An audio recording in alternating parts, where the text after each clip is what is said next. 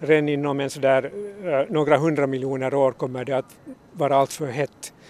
Solen kommer att vara alltför, stråla alltför starkt för att man ska kunna leva bekvämt på jorden. Då, om, om mänskligheten nu ska fortsätta sin existens så är det enda då att flytta lite längre ut i solsystemet. Det här är en Svenska Yle-podd. I det här avsnittet, vad är på gång med solen som är nyckeln till vårt väder, vårt klimat, själva vår överlevnad och hela jordens framtid? Jag heter Markus Rosenlund. 10, 9, 8, ignition sequence start, 5, 4, 3, 2, 1, 0. Quantum leap. Salto quântico. Salto quântico. Salto quântico. Salto quântico. Salto quantico. Salto quantico. Kvantum. Det du inte visste att du ville veta.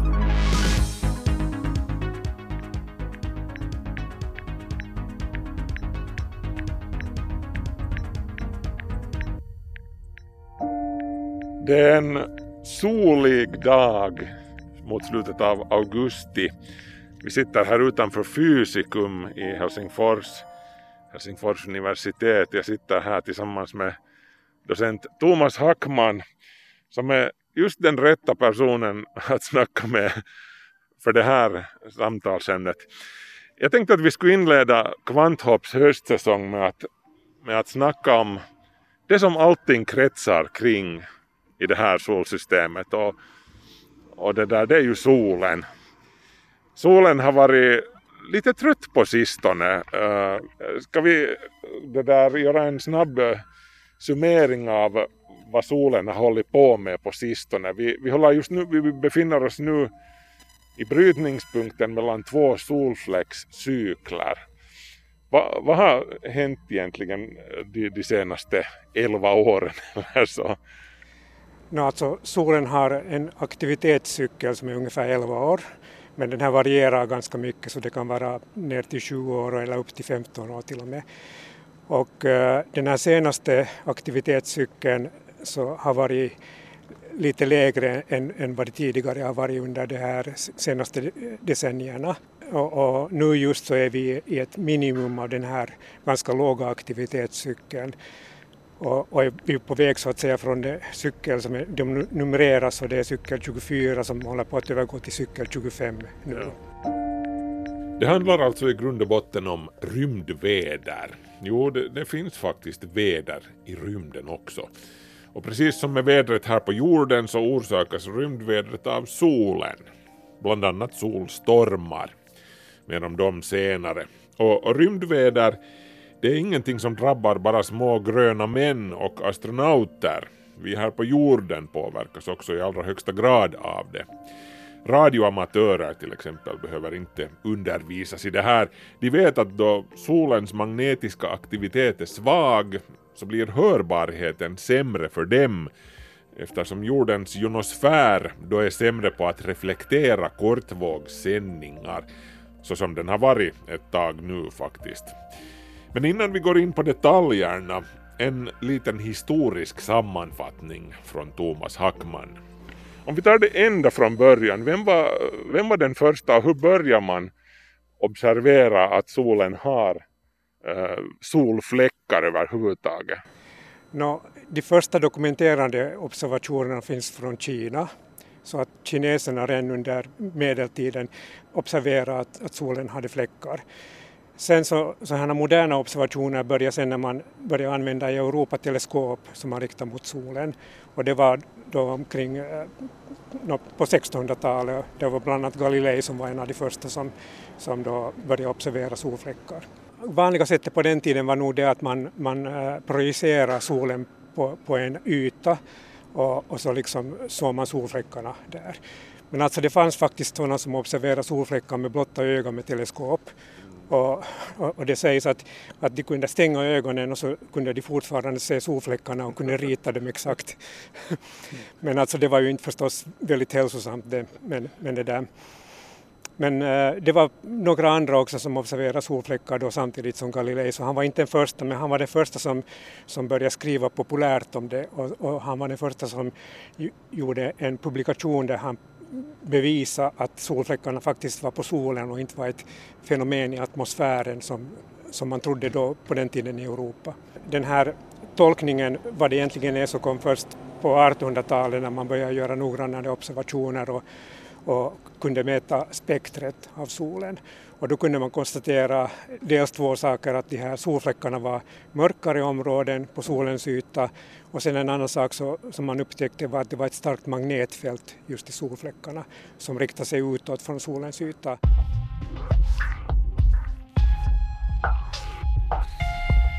Med andra ord, solfläckarna är alltså svalare områden på solen där som magnetfältet inifrån solen tränger upp genom ytan.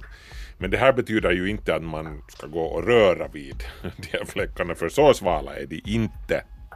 Eh, solens yta är ungefär 6000 grader Celsius och den här solfläcken är, är, då ungefär 4500 grader eller eh, som, som som så att säga svalast. Ja. Så det är 1500 graders skillnad och det är den här kontrasten som man ser då.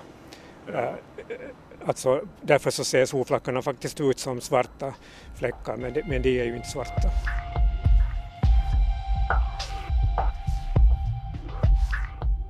Få av oss har sett en solfläck med egna ögon, men det lär faktiskt ska gå att observera dem direkt i vissa förhållanden.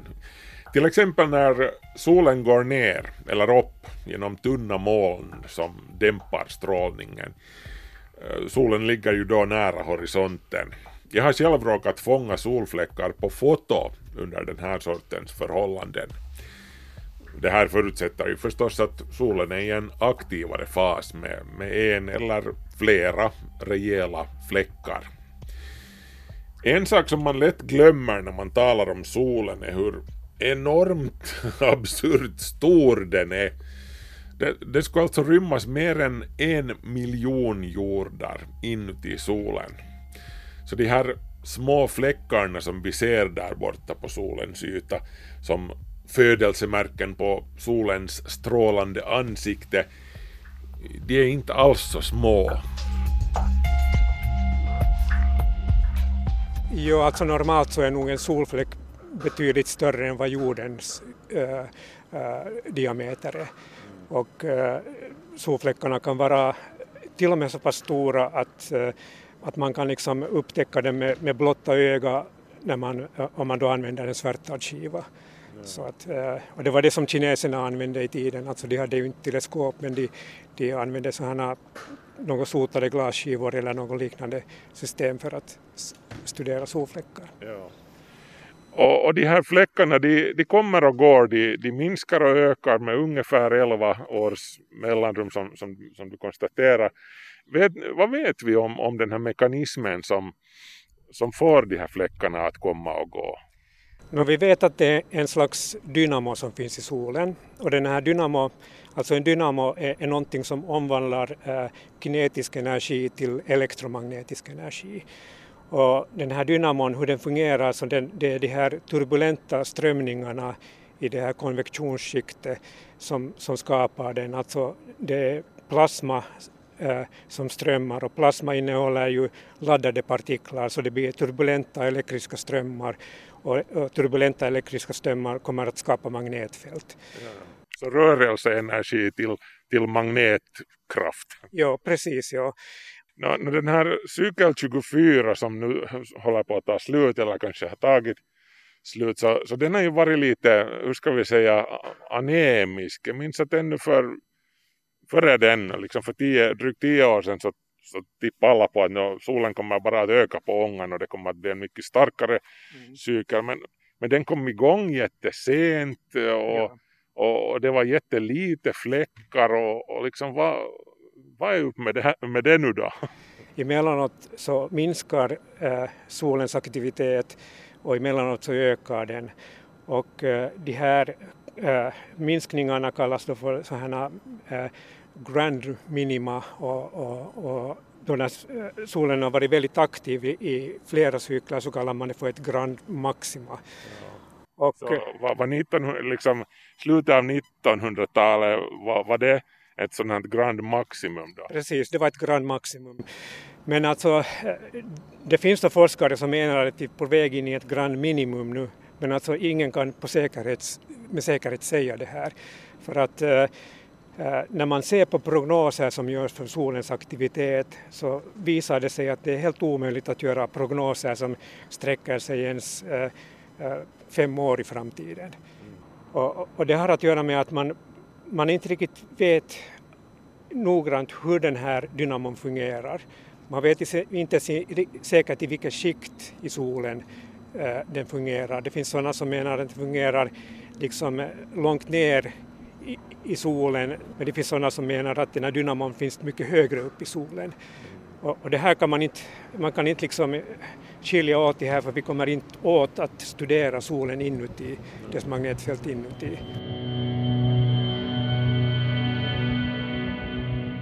Det är ju lite ironiskt det där att det ska vara så svårt att studera solen. Jag menar, den är ju nästan allt som finns här i solsystemet. Den, den utgör 99,8 procent av hela solsystemets massa. Jorden och de andra planeterna är bara smått grus som kretsar runt solen. Vi människor vi är som bakterier på ett av de gruskornen.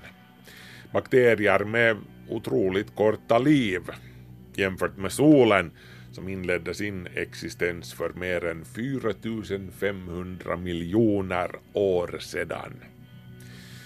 Fast det här innebär ju inte att vi inte kan säga någonting om vad solen har haft för sig i det förgångna.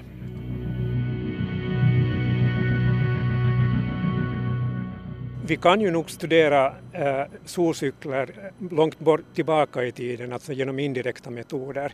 Så att eh, den vägen så vet vi till exempel att, att solen har haft flera sådana eh, grand minima olika eh, tidsperioder under medeltiden till exempel. Maunders minimum är väl kanske det här eh, mest berömda på, på 1600-talet. Eh, det, det var ju en ganska dramatisk tid i Europas historia Eh, hade, finns det något, vad vet vi om det här sambandet? Det, det är de som säger att solens aktivitet har en koppling till klimatet och att eftersom det var grand minimum då så, så var det jättekallt. Men, men kan, man, kan man göra en sån här koppling?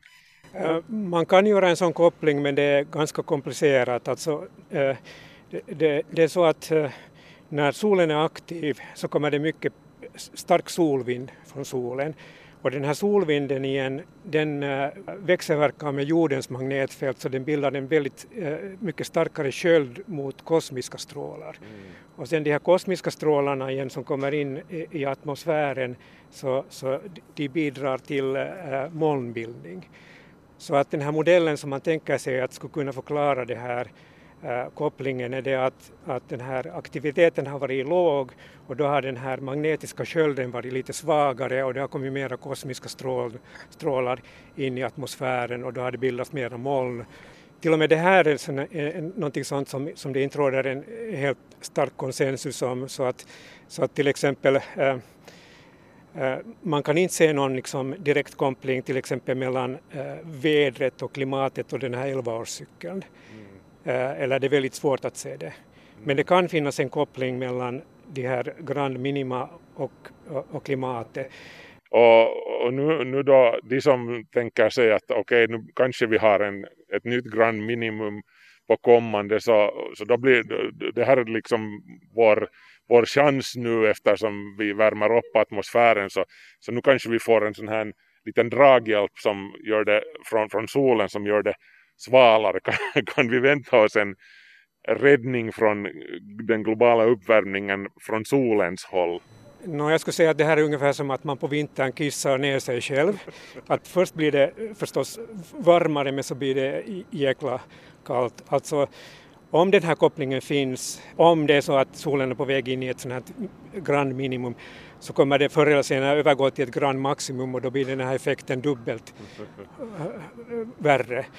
Eh, sen vet vi nu också att, att den här kopplingen mellan solen och klimatet är inte lika stark enligt alla undersökningar som jag har läst som kopplingen mellan växthusgaserna och klimatet. Ja. Med andra ord den här lilla äh, minskningen av effekten som ett grand minimum innebär, det, det räcker inte för eftersom vår uppvärmning är, mycket starkare än den där lilla, det där lilla bortfallet. No, no, så skulle jag säga, alltså de uh, flesta forskare av den här åsikten, det finns förstås sådana som är, som är av olika åsikt.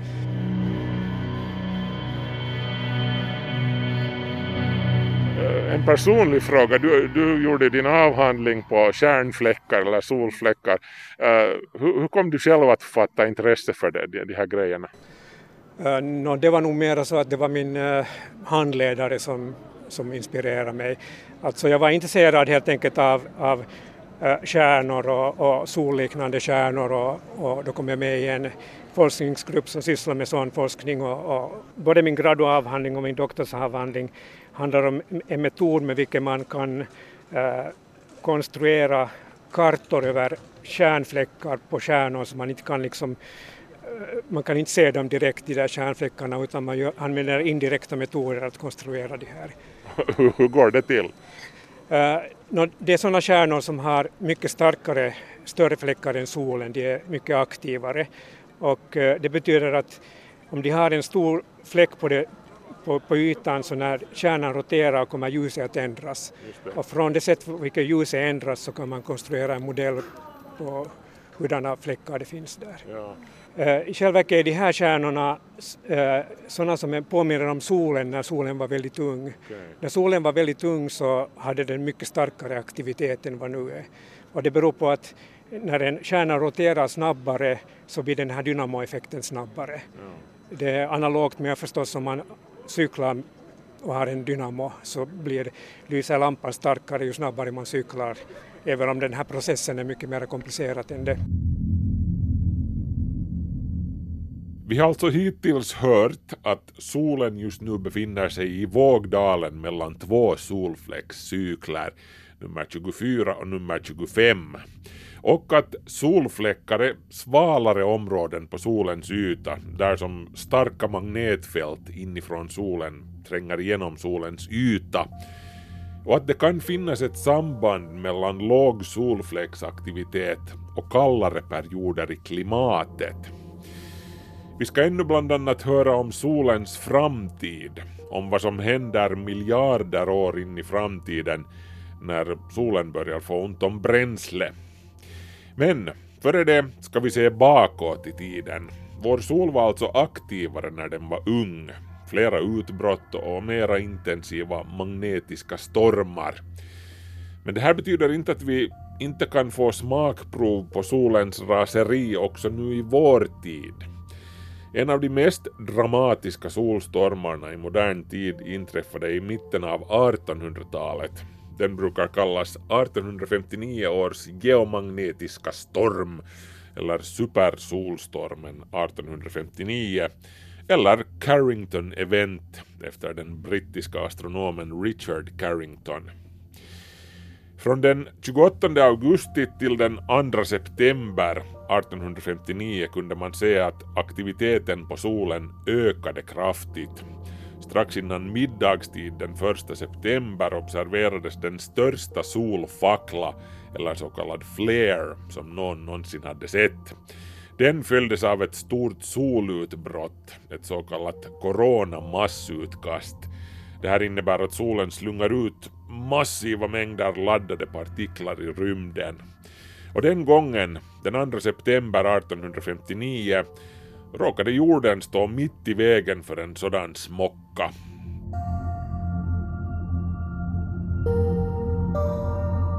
Carrington själv så, som gjorde första observationerna så han observerade väldigt stora solfläckar just i samband med det. Så där kunde man göra den här kopplingen att, att, den här, äh, att det skedde eh, eh, ett flerutbrott som var väldigt starkt och, som till och med observerades äh, på jorden och så kom det en stark, eh, stark coronamassautbrott där det kom en massa laddade partiklar som kom in i, i och träffade jordens magnet, äh, eh, magnetfält och, och rådda till det. Och den här, när, om jordens magnetfält blir stört så blir, kan det bli väldigt stora elektromagnetiska störningar också på jordens yta. Så, så det var liksom telegrafer som brann upp då, då när det Som började telegrafera av sig själva. Ja. och det slog gnistor från uh, gruvarbetarnas hackor i klippiga bergen och, och sådär Ja. har jag hört. Och, och det här är förresten samma, alltså solens magnetiska aktivitet och solvinden som partiklar från solen, det är ju det som orsakar uh, polarskenen eller norrskenen. Och, Precis, ja. och, och de hade väl, om jag inte minns fel, så hade de hade ju eh, polar, no, norrskenen där nere i Karibien då. Ja, det stämmer. Eh, Den här Carrington-solstormen, så om det skulle ske nu så skulle det vara en ganska eh, allvarlig eh, för, för alla tele, all telekommunikation och alltså satelliter skulle kunna förstöras om man inte hinner skydda dem i tid och, och, och det där. Till och med liksom senare mindre solstormar har lett till problem. Det var till exempel 1989 så var det en solstorm som ledde till att eh, elnätet blev utslaget i Quebec. Och om det skulle ske nu så skulle det vara ganska stora problem för den här all elektronisk apparatur som vi har. Och, det där, och den här Carrington eh, solstormen är inte alls den starkaste i, i, i, som han har dokumenterat utan det finns ännu starkare till exempel från medeltiden 774 kom en, antagligen en ännu starkare äh, magnetisk storm, alltså starkt coronamassautbrott från solen som man kan liksom se rester av i, i C14-halterna i, i träd. Att det, det är en äh, topp kring 774 som man inte kan förklara på annat sätt än, än med en solstorm. Skulle de ha märkt det på något sätt på den tiden? Men det fanns ju ingen elektricitet och inga kraftverk och, och sånt här. Hade det något praktiska. Jag menar om, om solen var mycket aktivare ju yngre den var så, så det måste ju ha varit brutalt då, då i början. Nu märkte livet på jorden av det här på något vis eller var det nu bara ett uh, intressant skådespel i skyn när det kom norrsken? Och... Det finns ingenting som visar på att några sådana starka solstormar skulle ha tagit livet av några organismer på jorden. Mm. Så att uh, jorden har ett, ett magnetfält som skyddar människorna men det här magnetfältet skyddar förstås inte elektroniken. Så att till exempel 774 så inte skedde det någonting, äh, var det någon människa som blev skadad men, men man såg väldigt starka äh, norrsken väldigt äh, långt söderut och, och, och, väldigt nära ekvatorn då också. Mm. Till exempel en planet som Mars som inte har ett magnetfält på, på samma sätt. Om vi tänker oss en framtid då människorna kanske koloniserar Mars så, så, så de, de skulle vara liksom sittande ankor där på, på Mars när en sån här eh, solstorm slår till. Ja, där måste man nog ha något system som man vill skydda sig från, från solens partiklar. Även om Mars är mycket längre borta från solen än jorden så kommer det eh, stark, en stark solvind dit. Och, och, den här starka solvinden är en förklaring till varför Mars har en så tunn atmosfär. Den har blåst bort atmosfären helt enkelt? Precis, ja, ja. Så att en förutsättning för att jordens liv är just det att jorden råkar ha ett, ett mycket starkt magnetfält.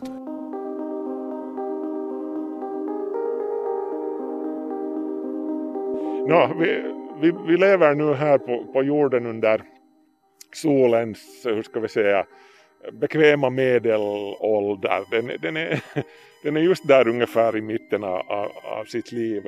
Är det, här, är det här liksom den bästa tiden att leva här på jorden om man tänker just på förhållandet till solen för, för den är varken för het eller för kall och sådär och den är inte sådär jätte upprorisk och upphetsad som den var i början. Är, det här en bra tid att bo här?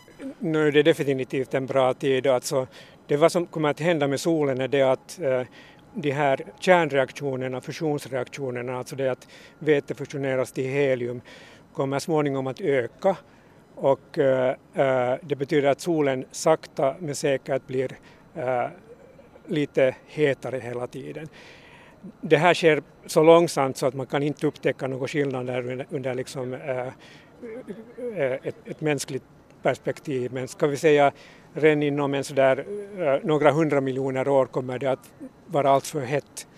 Solen kommer att vara alltför, stråla alltför starkt för att man ska kunna leva bekvämt på jorden.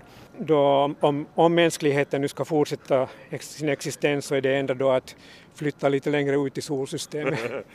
till Mars då, det, det, borde väl i det skedet vara ganska bekvämt där? Uh, no, det vet man inte, alltså man måste Eh, Eh, manipulera atmosfären på Mars ganska kraftigt för att få det, få det bekvämt. Eh, men, men, och sen är det det problemet att Mars är betydligt mindre än jorden. Så, så det där, eh, om jordens befolkning fortsätter att öka så, så måste man nog hitta andra lösningar också. Men det, det, är lite kontraintuitivt på något vis det här att solen blir hetare ju äldre den, den blir. Var den, då, den var väl mycket svalare i början. Eh, jo, det är sant. Alltså man, man räknar med att då när eh, solen uppkom så var eh, energiflödet bara ungefär 70 procent av vad det är nu. Och, och, det här leder till en sån här paradox, det vill säga det att, att jordens liv uppkom väldigt tidigt.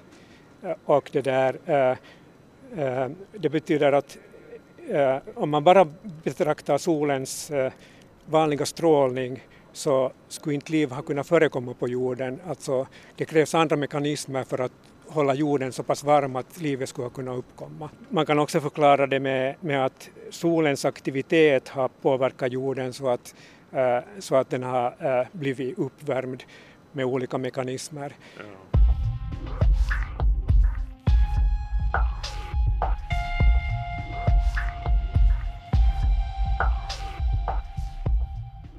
No, sen om vi ser riktigt till slutet så, så det där, i något skede sen, vi snackar flera miljarder år in i framtiden så, så kommer den ultimata solstormen när, när solen får slut på bränslet och, och börjar svälla upp och, i, sin, i sin dödskamp. Kan, kan du berätta lite vad, vad händer då och när händer det här?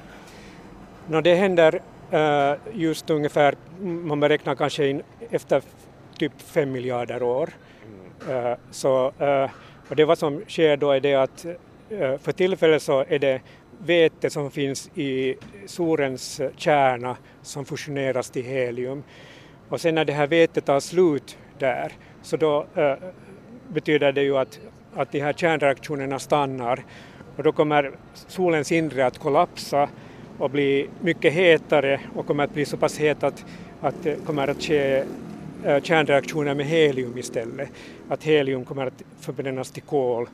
Men alltså då när helium börjar brinna så då kommer den solen att ha blivit vara i ganska obalans och, och det där, de här kärnreaktionerna sker väldigt kraftigt och det betyder att solen kommer att stråla mycket starkare och solen kommer att utvidga sig och, och man beräknar att solens radie kan till och med gå någonstans liksom nära jordens eller till och med Mars bana.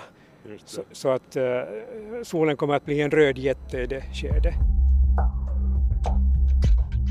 Med andra ord, solen kommer i det här skedet av sin dödskamp att sluka sina planetbarn. Bokstavligen. Jorden kommer att sväljas upp av den uppsvällda illröda solen. Men Nå, vi kommer ju naturligtvis inte att existera då längre. Jorden har i det här skedet varit en livlös och kruttorr planet i flera miljarder år. Efter den rasande dödskampen är solen i praktiken ett kärnlik. Sen när, när det här eh, heliumet också förbrukat så då kommer solen igen att, att kollapsa men temperaturen blir inte så het att, att uh, kol skulle kunna fusioneras mera. Så då kommer solen att bli en vit dvärg. Vit dvärg är alltså en, en väldigt kompakt kärna som egentligen inte uh, producerar med några kärnreaktioner mera energi utan, utan energin kommer från det att den krymper ihop och, och det är gravitationell energi som strålar ut men då finns inte jorden mer, då har jorden slukats upp av den där, i den där röda fasen och, och, och då, då, har vi, om vi finns här mera då så har vi sökt oss till några andra, andra solsystem. Mm, jo, antagligen. Eh, no, det är väldigt svårt att föreställa sig att mänskligheten skulle kunna liksom, mm. eh, klara sig kring solsystemet över den här fasen. Ja, no, det är ju lite svårt att föreställa sig att vi finns här ens om, om, om, vet du, om, om hundra år. Så jag... Det är sant, ja. Människorna är ganska bra på att sköta själv den här processen. Ja.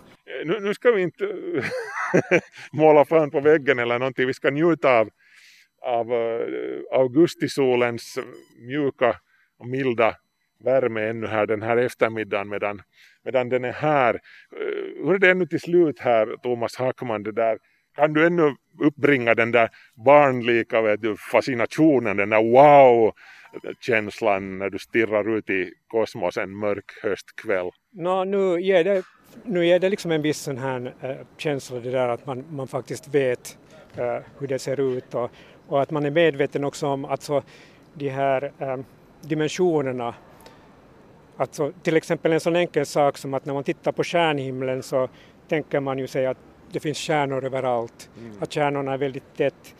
Men alltså på riktigt så i solens omgivning så är stjärnorna ungefär som om man skulle placera äh, sådana här gruskorn på tiotals kilometers avstånd från varandra. Ja. Och, och, det är bara det att de är så väldigt, lyser så väldigt starkt som man ser dem. Ja. Och, och, och dessutom så är det ju så att de flesta stjärnor som vi ser är ju inte alls de närmaste stjärnorna av de hundra närmaste stjärnorna så ser vi ungefär tio stycken med blotta öga. Ja, för det är sådana här små röda dvärgar som man inte ser alls med. Ja, liksom. precis. Ja. Så, så att det där, äh, den närmaste stjärnan till exempel så ser vi inte alls med blotta öga, Proxima Centauri. Ja. Du har alltså hört docent Thomas Hackman om vad som är på gång med solen just nu. Som sammanfattning, den låga solfläcksaktiviteten kommer sannolikt att fortsätta under cykeln som håller på att komma igång just nu. Men det finns ingenting som säger att ett nytt så kallat grand minimum är oundvikligt som under den lilla istiden på 1600-talet. Och solen kommer att få slut på bränslet och svälla upp och sluka jorden men det är minst fem miljarder år kvar tills så sker så ingen fara på taket där. Markus Rosenlund så heter jag och ett nytt avsnitt av Kvanthopp hittar du på Yle Arenan varje lördag. Vill du kontakta oss? Skriv till markus.rosenlund.yle.fi, Markus med C, eller gå in på Kvanthopps Facebook-sida. Vi hörs, ha det bra!